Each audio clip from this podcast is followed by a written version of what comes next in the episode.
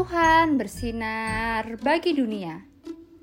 Renungan tanggal 6 Juni untuk anak balita sampai kelas 1 SD. Tuhan Maha Adil. Dari kisah para rasul 5 ayat 3a.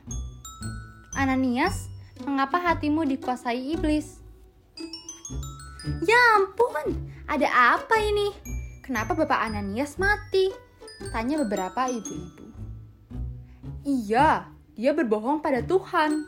Jadi Tuhan tidak suka. Kata seorang lainnya. Loh, kok Ibu Safira juga meninggal?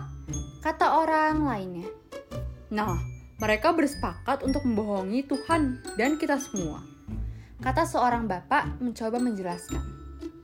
Adik-adik, kalau hari ini kita bohong, bisa jadi tidak meninggal seperti Bapak Ananias dan Ibu Safira. Tapi Tuhan tetap tidak suka.